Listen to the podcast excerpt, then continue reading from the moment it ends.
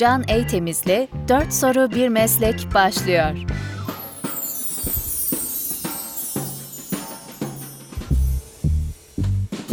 Merhaba, ben Can Eytemiz. 4 ana soru başlığı altında konuğumu ve mesleğini tanıyacağımız 4 soru bir mesleğe hoş geldiniz. Bu bölümde konuğum aslında çok yönlü, birkaç alanda son derece başarılı işlere imza atmış ama belki de hepsinin merkezinde beden ve ruh sağlığını hedef alan profesyonel çalışmaları bulunan değerli Berra Sertel. Hoş geldin Berra. Merhabalar, teşekkür ederim. Ben teşekkür ederim vakit ayırıp da konuğum olduğun için. Dört ana başlık altında bir takım sorular soracağım. Tabii ki bu başlıklar altında da farklı sorularım da oluyor. Amacım seni ve mesleğini tanıtmak, seninle aynı rotada ilerlemek isteyenlere yönlendirici bir rehber olmayı sağlamak. Eğer hazırsan ilk sorum ile başlıyorum. Hazırım canım. Berra, beslenme danışmanı kimdir? Beslenme danışmanı aslında bazen beslenme koçu adı altında da anılıyor. Ve aslında beslenme konusunda insanları e, zayıflamaya yöneltmek değil de sağlıklı bir yaşama hedef alarak neleri yediğinde daha doğru bir e, yolda ilerleyeceğine dair ışık tutan kişidir. Bu yolda ise iki ayrım vardır her zaman. E, aslında o çok da beslenme danışmanlığına girmiyor. E, beslenme tera- terapisti olarak anılıyor daha çok. Eğer ki belirli rahatsızlığı olan kişiler varsa beslenme terapistine gitmeli. Çünkü hastalığı doğrultusunda sağlıklı besinler onun için değişecektir. Dolayısıyla genel geçer sağlıklı olarak bilinen ürünler ona uygun olmayacak. Ve insanların da en büyük hatayı zaten yaptığı nokta bu. Ee, diğer tarafta ise sağlıklı insanların sağlıklı kalabilmesi ve sağlığını koruyabilmesi için izleyeceği yoldur beslenme danışmanın ona sunduğu bilgiler ve gösterdiği yol. Evet bu çok önemli. Biz çünkü hemen beslenme danışmanı deyince bilhassa Türkiye'de kilo ortalaması biraz yükseldi e, son zamanlarda. Hemen zayıflamak geliyor. Ben de öyle biliyordum. Halbuki doğru beslenmek belki de tabii zayıflığı da fit olmayı da getiriyordur beraberinde. Ama bir diyetisyen değil yani anladığım kadarıyla beslenme Yok. danışmanı. Evet. Yok, diyetisyen değil yani aslında diyetisyen de e, yani diyet Latinceden geliyor Hı hı. ve bildiğim kadarıyla yanlış hatırlamıyorsam beslenme şekli olarak çevriliyor. Fakat Anladım. herkes herkes kendi algısı doğrultusunda algılıyor. Yani herkesin senin dediği gibi bir zayıflama e, arzusu olduğu için Evet, evet Hani hepimiz de. yemek deyince zayıflayalım. Yaz geliyor zayıflayalım. Beslenme danışmanı zayıflayalım. Diyetisyen zayıflayalım. Yani e, hedef hep zayıflamak ama nedense o bir türlü olmuyor. Bir de şey var Berra yani o kadar fazla beslenme programı var ki önümüze sunulan bilhassa televizyonlarda medyada her bir hoca hepsi de elbet ki birbirinden değerlidir. Bu kadar fazla programın olması e, biraz kafa karıştırmıyor mu? Yani insan fizyolojisi aslında bir değil mi? Biz neden bu kadar fazla bir e, alanda farklı programlarla karşılaşıyoruz? Ben mi yanlış düşünüyorum? Yo hem doğru düşünüyorsun hem e, yanlış düşünüyorsun. doğru yanlış çünkü kişiye göre değişecek. O yüzden hem doğru Evet. hem yanlış. Yani aslında senden çıkan doğru ama e, ben karşında oturuyorum. Benim için senin söylediğin şey doğru. Fakat hani algısı aynı yönde gelişmemiş insan için yanlış. Hı hı, Çünkü at gözlüğüyle baktığın zaman e, yani bakıyorsun ama görmüyorsun. hı hı. Ve e, insanlar ne yazık ki yani günümüz hayatında şöyle bir şey var. Herkes kısa yoldan bir şeyleri düzeltmek istiyor. Yani Evet. bu sadece beslenmede değil. Yani işte psikolojisi bozuk, ay çakramı açtırayım. Yani çakra musluk değil öyle açılıp kapanmıyor. Veya hani akupunktura gideyim, iki iğne taksın kendime geleyim. Yani hayat bu kadar basit olsa kimsenin derdi olmaz zaten. Doğru. E, fakat evet herkes birbirinin değişiği. Yani hepimizin gözü var ama hepimiz farklı görüyoruz ve hepimizin göz şekli farklı.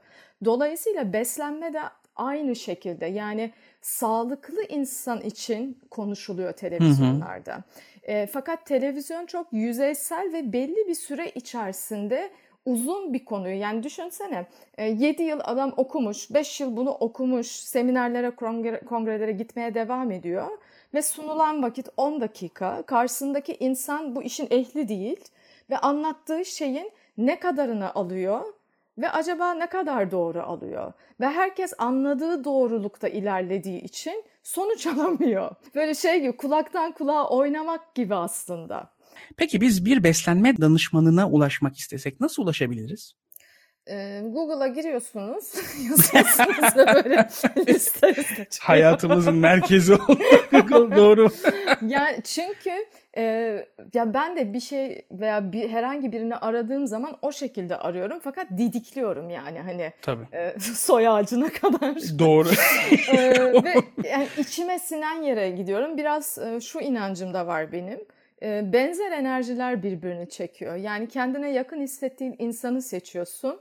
Ve Türkçe'de de var aynı telden çalıyor derler. Günümüzde işte frekansı başka diyorlar işte. Hı hı. Ama hani bir şekilde benzer olduğu zaman anlayış da e, karşılıklı oluyor ve daha verimli sonuç alınabiliyor. Yani her şeyde olduğu gibi deneme yanılma yoluyla ilerlemek gerektiğini düşünüyorum. Yani ben e, bu beslenme dışında kendi verdiğim yoga eğitimlerinde bile eğitim için beni arayana gidin başka hocalarla da konuşun diyorum. Çünkü kişiyi etkilememek gerekiyor bir insanı etkilediğiniz zaman böyle hayati bir önem taşıyan yani sağlık içeren bir konuda onunla sorumluluk paylaşmış oluyorsunuz. Tabii. Ama kişi kendi karar veriyorsa sorumluluğu ona aittir. Bu bence çok ince bir çizgi. Dikkat edilmesi gerekiyor. Çok harika. Zaten o yoga konusuna da inşallah değineceğiz. O alanda da çok kitapların da var, çok başarılı işlerin de var. Bugün beslenme üzerine odaklanıyoruz. Onu da konuşmayı çok arzu ediyorum. Konuşuruz. Harika. Peki biz beslenme danışmanını bir yaşam koçu gibi daima hayatımızda tutmalı mıyız yanımızda yoksa belli bir rutin oturttuktan sonra kendi ayaklarımız üzerinde durabiliyor muyuz? Şimdi açık konuşacağım. Tabii. Seçtiğiniz danışmanla ilgili eğer ki seçtiğiniz danışman sömürü imparatorluğu tarzı çalışıyorsa sonsuza kadar sizi yanından ayırmaz. Ben insanlara baktığım zaman bir ay bakıyorum genelde. Ondan sonra da ne halin varsa gör diyorum. Çünkü herkesin sistemi farklı ve kişiye yönelik bir rapor çıkarıldığında aslında onu alıp hayat, hayatına yayması gerekiyor. Yani ve insanların da gözünü korkutmamak gerekiyor. Hı hı. Çünkü bir şeyi dönüştürmek niyet etmekten çok daha farklıdır. Yani çoğumuz birbirimize akıl veriyoruz zaten. Ee, akıl akıldan üstün diyoruz. Halbuki yani herkes yani aklı az çok çalışan e, kendi için iyi olanı zaten biliyor veya iyi gelmeyen şeyi biliyor. Hı hı. Fakat akıl verdiğimiz zaman aslında onu kendimize tekrar edip kendi kafamıza sokmaya çalışıyoruz. Çünkü herkesin bir uygulama sorunu var. Hani herkes ne yapması gerektiğini aslında gayet iyi biliyor. Hani iki kere danışmana gittikten sonra bu işin bitmeyeceğini bilmek gerekiyor.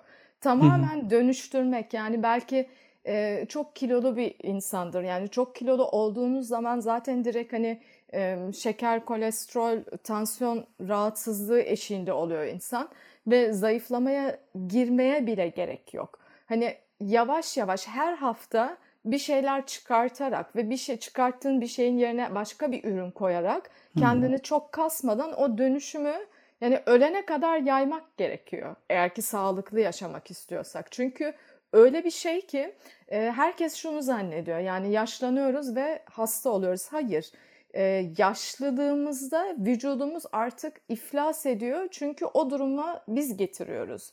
Vücutta kadınlarda özellikle 40 yaşından sonra erkeklerde biraz daha birkaç yıl sonra ise e, vücuttaki toksinler birikmiş oluyor. Ve vücuttaki birçok e, bu toksik birikimde bilim tarafından ölçülemiyor.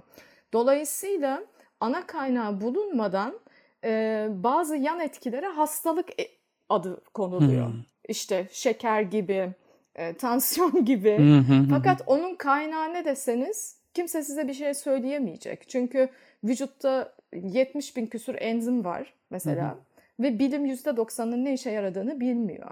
Dolayısıyla her şey yarım kalıyor ve bu yarım kalması da belki bütünü tamamlıyor. E, çünkü sonsuz bir yaşamımız yok. Fakat evet. olabildiğince kaliteli bir yöne çevirmek için onu bir şeyleri değiştirmek ve onun ne kadar önemli olduğunu bilmek şart. Çünkü yani hap yutmak, ilaç almak iyi bir şey olsa hapı yuttu demeyin anlamı olumsuz olmazdı. Yani. Şu an bir aydınlanma yaşıyorum. O açıdan bakmamıştım. Hapı yuttun diye. Doğru. Hani evet. ben zayıflayayım ondan sonra rahat ederim diye bir şey yok yani anladığım kadarıyla. Hayat boyu. Mutfağımız da bizim çok Ve kültürümüzde ben hep ondan şikayet ederim. Yani mesela bir şey yapılır Allah aşkına ye. Hani kalır ye. Ya yemek istemiyorum ben onu hani çok yağlı mesela ya da yememe dikkat ediyorum. Lütfen ölümü gör. Ya bu kavram yok yani hani başka bir kültürde. yok. E, dolayısıyla tabii kolesterol, şeker genel rastlanan bir şey olduğu gibi bende de yüksek çıktı. E şimdi dikkat ediyorum ama demek ki ben belli bir kiloya düşünce e, yeter tamam düştüm. Vur patlasın çal oynasın gelsin baklavalar gitsin kebaplar yapamayacağım. ee, yo hayır hayır hiç öyle bir şey yok. Hiç gözünü korkutma. Birincisi görev gibi bakmamak gerekiyor. Yani bunun bir hani e, seni strese sokmaması gerekiyor. Çünkü strese girdiğin an yani stres hormonu vücutta salgılandığı zaman bağışıklık sistemi moleküllerini bloke ediyor. Oksijen oranı düşüyor ve seni en zayıf noktandan yakalıyor. Bu yüzden de herkesin e, veya çoğu insanın böyle e, sürekli tekrar eden semptomları var. Canı sıkılınca başının ağrıması veya hı hı. midesine vurması. Herkesin zayıf noktası başka çünkü. E, dolayısıyla birincisi kimsenin gözünün korkmaması gerekiyor. Bu birincisi. İkincisi ciddi bir rahatsızlık yaşamadığınız sürece o kiloda bir noktaya kadar yedirtmiyor. Sonra insanın canı istiyor ve yiyor. Evet. Dolayısıyla bu, bu da çok insani bir e, hal. Fakat öyle bir e, sistemle ilerlemek lazım ki onun değiştiğini ve dönüştüğünü kişi çok psikolojisine yansıtılmaması gerekiyor. Yani çok iyi kurgulanması gerekiyor. ılımlı ve böyle anne şefkatiyle onun yapılması gerekiyor. Çünkü e, hiçbir zaman onu veya şunu bir daha yemeyeceğim demek diye bir şey yok. Sadece e, kendi sağlığına kavuştuktan sonra dikkat etmen gereken en temel şey mesela benzer besinleri üst üste yememek. Çünkü günümüzde en çok yanlış yapılan şey ve ben bunu gerçekten anlamıyorum. Yani hiç anlamıyorum ve insanlar nasıl bu konu hakkında bu kadar hani yanlış bilgi insanların zihnine yerleştirmiş onu da hiç anlamıyorum. Bir protein hastalığı var. Şimdi karbonhidratın zararlarını herkes biliyor. Hı hı. Yağın zararlarını herkes biliyor. Sorsan ikisinin de faydasını kimse pek bilmez. ben de duymadım. Ama bir protein dediğin zaman o herkes her gün e, balık yiyor. Ya çıldırdınız mı arkadaşlar? Yani protein insan vücudun ihtiyacının günlük ihtiyacı yüzde on beştir. Hmm. Karbonhidrat yüzde elli elli beştir. Geri kalan yağdır vücut enerjiyle çalışır. Yani sen Hı-hı. enerji almadığın sürece proteinin de sentezlenemez. Zaten vücut proteinden oluşuyor. Sen 100 gram protein aldığın zaman vücut onu sentezleyerek 250 grama getiriyor. Burada sakat olan ve bilimin bir noktada tıkandığı nokta şu.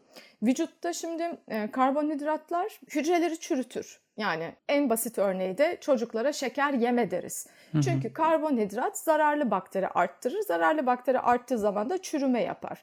E, bu çürüme dişte olabilir, bu bağırsaklarda olabilir. Bu sefer maya fabrikasına dönüyor ve sürekli zehir üretmeye başlıyor. Ürettiği zehirler de e, aslında proteininkiler daha zehirli çünkü karbonhidratın ne yaptığı belli. E, fakat protein e, vücutta öyle bir zehir üretiyor ki e, pan zehiri yok. Yani onu vücuttan uzak tutarak atılmasını beklemeniz gerekiyor. Hı-hı. Yani olması gereken tek şey bu. En büyük hata ise çoğu zaman sağlıklı adı altında bildiğimiz besinlerin bu gruba dahil olması. Örnek vereyim. Avokado, ıspanak, fermente besinler. Allah Allah.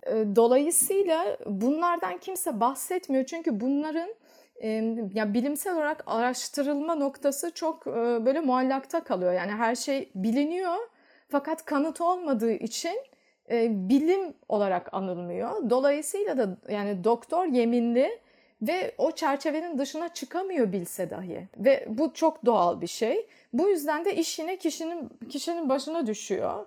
Fakat öyle komplike bir şey ki yani şunu düşün bir doktora gittiğin zaman bile her bölüme bakan ayrı doktorlar var. Doğru. Fakat demin sen ne dedin? Herkes bütün herkes aynı.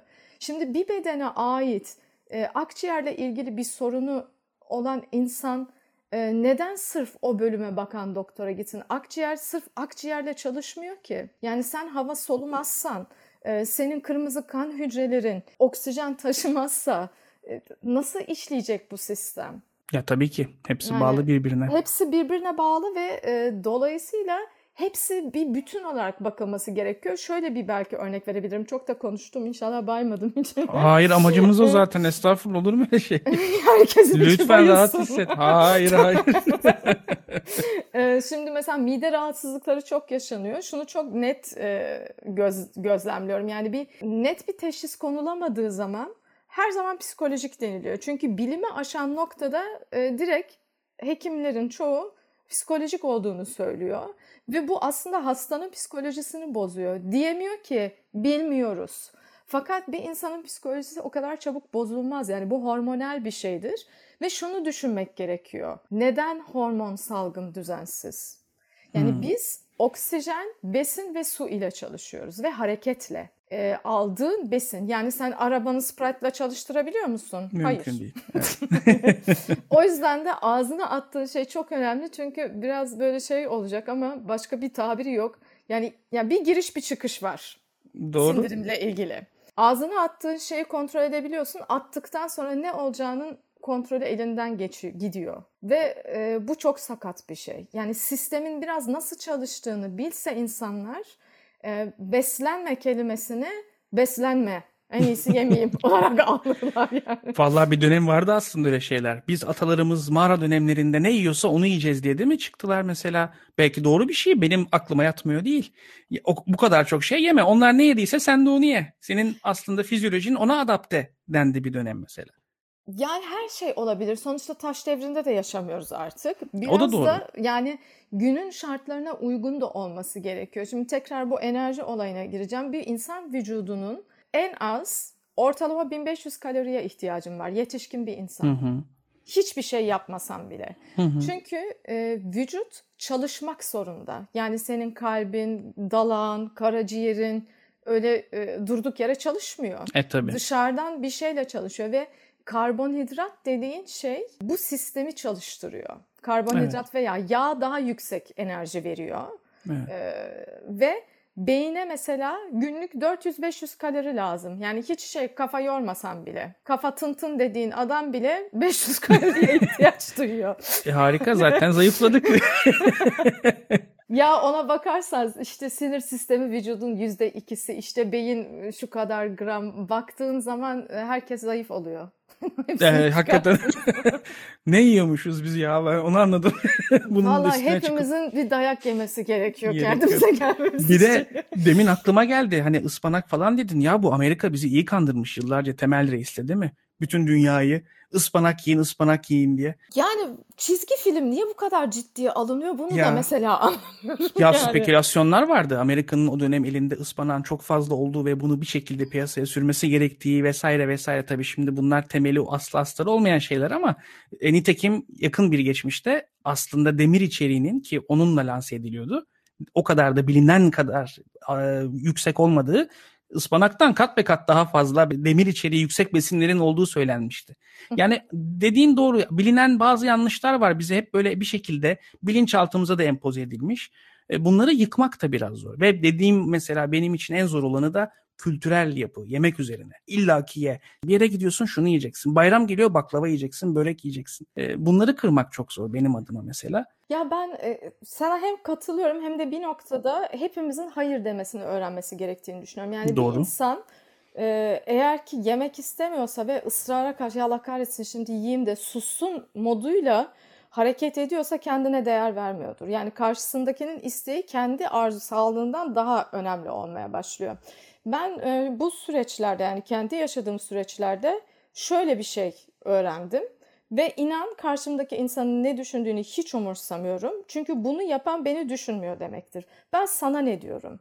Bir Evet. insana sana ne dediğin zaman cevap vermiyor. Bir daha da sormuyor. Bozuluyordur. Ve ya bozulsun yani benim e, sağlığıma iyi gelmeyecek bir şeyde biri bana ısrar ediyorsa veya o an hani sağlıkla da ilgili olmayabilir, canım istemiyor olabilir. Neden yapayım? Yani karşındaki insan sırf onun istediği olsun diye bana ısrar ediyorsa zaten o insana benim hayatımda ihtiyacım yok. Konuşmasın da çok da tın yani. Çok doğru. Diyebilmek lazım. Çok önemli bir şey aslında. E, Bunun da temeli yine bence kültürel çünkü ayıp diye öğretiliyor bize. Yani kendi kişiliğini baskılamak öğretiliyor. E, Özgün olmak değil. ve herkes birbirinin beklentisini yerine getirmeye çalışıyor. Kimse kendi için e, iyi hissettiren durumu yaşama, yaşamaya odaklı değil. Çünkü onun yine başı başa dönüyorum doğru olduğunu düşünüyor. Hı hı. Doğru. Şimdi hemen tekrar o zaman e, konumuza geliyorum. İkinci soruyu soruyorum. Nasıl beslenme danışmanı olunur? Ya şimdi beslenme danışmanı aslında diğer bütün hani popüler meslekler gibi olunması çok kolay. Bir kursa yazılıyorsun, e, birkaç ödeme yapıyorsun, ondan sonra e, sertifika veriliyor. Türkiye'de bu gibi kurslar çok üzücü ama çok çabuk sertifika sahibi yapıyorlar insanları. Hmm. Yani bir insanın kendi bu işin içinde olması gerekiyor. Yani sertifikayı alıp kendini yetiştirmesi gerekiyor. Fakat burada da kimse bir beslenme polisi olmadığı için yine benzer insanlar birbirini çekecek. Yani hani çok başarılı olan vardır, daha az başarılı olan vardır. Hani hiçbir şey bilmeden dolu iş yapan insan vardır. Dolayısıyla hani bunun da başkaları tarafından yargılanması güzel bir şey değil. Hani herkes kendi yoluna bakıp ilerlemesi gerekiyor. E, fakat şunu söyleyebilirim ben e, yani yıllardır çok fazla eğitim alıyorum anatomi, fizyoloji üzerine, beslenme üzerine ve yurt dışından alıyorum genelde çünkü çok ciddiye alıyorlar. Hı hı. En son aldığım bir eğitimde 9 saat sözlünün izlendi ve bunun üzerine bize not verildi. Ee, Evet. Sonra bir de bitirme tezi yazdık.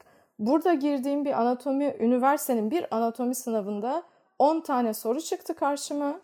Bir soruyu iki kere sormuşlar. Soruların 6 tanesi ilk yardım ve ondan sonra anatomi uzmanı oluyorsun. Yani hiçbir şey olmuyorsun ondan sonra. Fakat kurs içeriği çok iyi ama devamı gelmiyor. Dolayısıyla kişinin tamamen kendi inisiyatifine bağlı. Hani çok kolay bunları olmak ama gerçekten olmak kolay değil. Çok pahalı mı peki bu kurs ücretleri? E, Bir rakam tabii zikretmek ne kadar doğru bilmiyorum ama e, sadece hani bu işe ilgisi olan birilerine bir fikir vermesi adına. Yani online kurslar ben geçen gün bir Türkiye'deki kurslara bir bakayım dedim beslenmeyle ilgili ne var. Çünkü her şey artık online'a döndü. Tabii, tabii. Bir şey var mesela böyle daha hızlı sertifika veren yerler var. Onlar böyle hani 1000-1500 lira arasında değişiyor. Bir de fonksiyonel tıp denilen bir şey var. O eğitimler 10 bin liraya yakın eğitimler Hmm. oluyor. Çünkü hekimler veriyor. Benim genel fikrim e, ve bilgi kirliliğine de en sık yol açan bu. Herkes böyle bir e, beslenme temel konu, ilgisini çeken bir konu çekiyor. İşte böyle işte ketojenik beslenme, işte Hı hı. hamilelerde beslenme, işte yogada özellikle ayurvedik beslenme. Ya sen ayurvedik beslenmeyi öğrenmeden önce ilk önce tıbbın e, sana sunduğu ve kanıtı olan şeyleri bir öğren. Yani daha demin söylediğim gibi herkes bir protein takıntısıyla yaşıyor. Hı hı. Ee, daha neyi ne kadar yiyeceğini bilmezken yani söyleyecek bir şey bulamıyorum. Evet, bunların hepsini bilmesi gerekiyor demek ki. Yani anatomiye de hakim olacak, e, literatüre hakim olacak, bilimsel manada, tıbbi manada. Birçok kurs açılıyor. Bunları seçebilmek de o zaman çok önemli. Peki bir e, beslenme danışmanı illa fit mi olmalı? Hayır ben mesela şu ara hiç değilim çünkü kendim bir rahatsızlık yaşıyorum. Aslında fitim bence fakat e, yaşadığım rahatsızlığın yan etkisi vücudumun görüntüsüne yansıyor. Ve ben şu an dışarıdan bakıldığı zaman böyle ince biri değilim. Fakat bunun yediklerimde e, hiç alakası yok. Çünkü vücudumdaki şişliği yaratan ödem de değil, yağ da değil. Evet. Ya ilginç. İşte hani hep vardır ya görürüz bilhassa sosyal medyada öyle pozlar vardır ki e, kadını erkeği hani birer manken gibi işte diyetisyen, beslenme uzmanı deyince öyle bir intiba var. Yani acaba hani bak ya kendisi fit değil. O kendine hayrı yok. Bana nasıl hayrı olacak diye düşündür ama bilginin bir formu olmadığını düşünüyorum. O açıdan ben bir de sana sormak istedim. Yani şöyle düşünüyorum. Bazen elmalar çok güzel görünüyor ama açıyorsunuz içi çürük çıkıyor. Yani dış dış paket ne yazık ki insanların çok önemsediği fakat çok değersiz bir şey. Asıl bence tam tersi olmalı. Çünkü görsellik yanıltıcı. Ama insanın da ilk kandığı nokta görsellik oluyor. Çoğunlukla genel için konuşuyorum. Hani bakıyor, Aa, bu zayıf. O zaman bu, bu işi biliyordur. Halbuki herkesin metabolizması farklı. Yani belki her şeyi yiyor ama genetik yapısı o. Doğru. beslenme danışmanı Türkiye ve dünya genelinde nasıl bir kariyere sahip olabilir? Ya benim için kariyer denildiğinde şu her zaman ön planda oluyor. Ee, birilerine bildiğini yani o güne kadar e, bilgi birikimini aktarabilmesiyle ilintili oluyor. Yani dolayısıyla üniversite gibi kurumlarda bilgisini bir sonraki nesillere paylaşarak veya kitap yazarak e, yaptığında değerli olmaya başlıyor. Hani kariyer anlamında bence en üst nokta bu. Fakat herkes için e, farklı oluyor. Bazı insanlar sadece para odaklı çalışıyor. O zaman daha popülarite, popülarite üzerine gidiyorsunuz. İşte televizyon programlarına daha çok e, çıkıyorsunuz. Halkı bilinçlendirmeye çalışıyorsunuz ve halkın ikisine de ihtiyacı var. Çünkü herkes aynı bölümü aynı şeyde üniversitede okuyamayabilir. Fakat hı hı. aynı bilgilere az çok sahip olmak isteyebilir. E, dolayısıyla bir kısım insanın orada olması gerekiyor. Bir kısmın insanın da e, halkı biraz aydınlatabilmesi gerekiyor. Ve bence hani kariyerdeki en en üst nokta ise insanların sağlığını dönüştürerek onlara sağlığını geri verebilmektir.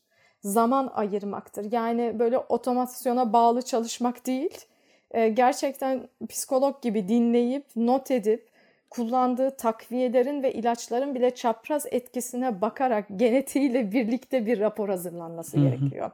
Yoksa her şey havada kalır. Yani insanın insana değer vermesi gerekiyor bu işte. Evet, genelde anladığım kadarıyla o zaman bireysel çalışan yani kendi işlerini yapan kişiler herhangi bir kurumda ya da ne bileyim bir gıda tesisinde vesaire bir çalışma, bir kariyer, ihtisas e, yolu yok. Bireysel karşısında danışan kişiyle beraber çalışan kişiler oluyorlar o zaman. Evet yani en tabii ki demin de söylediğim gibi üniversitede kalabilir, Tabii. kitap yazabilir ama onun ötesi gerçekten yok. Aslında hiçbir meslekte daha da ötesi yok. Bunlar çok önemli tabii. Neden beslenme danışmanı oldun? Çünkü ben e, hastalık biriktiriyorum. Gülüyorum ama. ben de gülüyorum çünkü başka türlü ömür geçmez. E, yani çok çocuk yaş yani çocuk yaşlarımdan biri hep böyle bir takım sıkıntılar yaşadım ve 17-18 yaşında ise çok ağır e, rahatsızlıklar yaşamaya başladım ve konulan yanlış tanılarla ben hasta edildim ve ben ölümden döndüm. Fakat hekimleri de suçlamıyorum yanlış anlaşılmasın. Hı hı. Şimdi sizin mide rahatsızlığınız var. Mideyi rahat ettirecek ilaçlar veriliyor ve o rahatsızlık ortaya çıkmasın diye onu vücudun içinde baskılıyor. İlaçlar bu şekilde çalışıyor. Düşünsene başın ağrıyor, aspirin alıyorsun ve başının ağrısı geçiyor. Yani bir aspirin nerenin ağrıdığını nasıl bilebilir? Bilemez bu. Genel olarak tabii etkiyordur. Bütün vücuda yayılıyor kimyasal ve ilaçlar bu şekilde çalışıyor. Sonra sizin mideniz düzeliyor. Bu yüzden de zaten vücutta biraz bir şeyleri bilmek gerekiyor danışman olarak. Tabii ki hekim değiliz. Ee, hı hı. Keşke o kadar bilgimiz olsa. Ama bir bağlantı kurabilecek duruma geldiğinizde analiz etme yeteneğiniz gelişiyor ve bu yüzden başladım. Ölmek istemediğim için. Hı hı. Fizyolojim bozuk yani. Ama adım atmasaydım ben bugün şu an seninle konuşamıyordum. Yani ölmüştüm çünkü. Hay Allah. evet. Yani bir faydası olmuş en azından. E, maalesef hastalıklar buluyor insanlar için her şey yani doğadaki bütün canlılara olduğu gibi. Ama böyle bir vesile olması belki de tabii bu işi daha kapsamlı araştırmana da vesile olmuş olabilir. Dramatik tabii üzücü bir şekilde olmuşsun ama iyi ki şimdi iyisin. Peki son soru olarak dördüncü soru bu mesleği yaparken karşılaştığın ve unutamadığın bir olay ya da olaylar var mı? Yani başlama sebebin tabii kendi kendine başlıca bir olay ama E, kendim yani. Gerçekten unutamadığım tek şey kendim. E, o yüzden de zaten kitap yazdım konuyla ilgili. E, umarım birkaç ay içerisinde çıkacak. Çünkü Harika. E, yani unutamadığım şey aslında yani çok ağır geliyor hala bazı konuları benim için konuşmak. İnsanlara danışmanlık yaptığım zaman da yani en büyük mutluluğum her zaman hani e, onların iyi hissetmesi, bana en güzel anı olarak kalıyor ama böyle çok spesifik evet şunu da hiç unutmadım, unutmam diyebileceğim Ee, bu konuda yok. Yoga konusunda var ama beslenme konusunda hani beni geçen yok henüz. Evet. Tahmin ettim. Yoga konusunda da konuşuruz zaten. Bu detayları benim aklıma bu arada hep şey geldi şimdi konuşmalarımız sonrasında. E, Doktor House geldi dizi. İzlemiş miydin? Hep yok böyle izlemedim. garip, dünyada daha önce hiç görülmemiş özel bir bölüm kurmuşlar hastanede. Müthiş bir zeka. Tavsiye ederim. Adam neler neler çözüyor. Yani doktorların normal teşhisler koyduğu birçok vaka sonuç vermeyince tabii tedaviler teşhislere hemen Doktor House'un birimine geliyor. Müthiş bir para kaynağı akıtılıyor bu tabii adama. Ee, Çok böyle uç noktalarda yaşayan bir adam. Ama e, şimdi aklıma o geldi. Öyle yerlerden girip çıkıyorlar ki ekibiyle asla dünyada ya böyle çok çok milyonda bir bir şey çıkıyor ya da hiç daha önce benzeri olmamış şeyler çıkıyor. Diğer hekimlerin göremediği. Aklıma o geldi. Onu paylaşmak istedim. Berra çok teşekkür ederim. Yani e, sağlık problemleri yaşadığını da biliyorum. E, bu yoğunluğun arasında, bu ruh halin arasında bu değerli bilgilerini paylaştın, konuğum oldun. Tekrardan çok teşekkür ediyorum. Ben teşekkür ederim beni davet ettiğin için ve güzel yayınlarının devamını bekliyoruz. Çok teşekkür ederim. Çok naziksin. Böylelikle bu bölümün de sonuna gelmiş bulunuyoruz. Bir sonraki bölümde tekrardan görüşünceye dek hoşçakalın. Can Eytemiz'le 4 soru bir meslek sona erdi.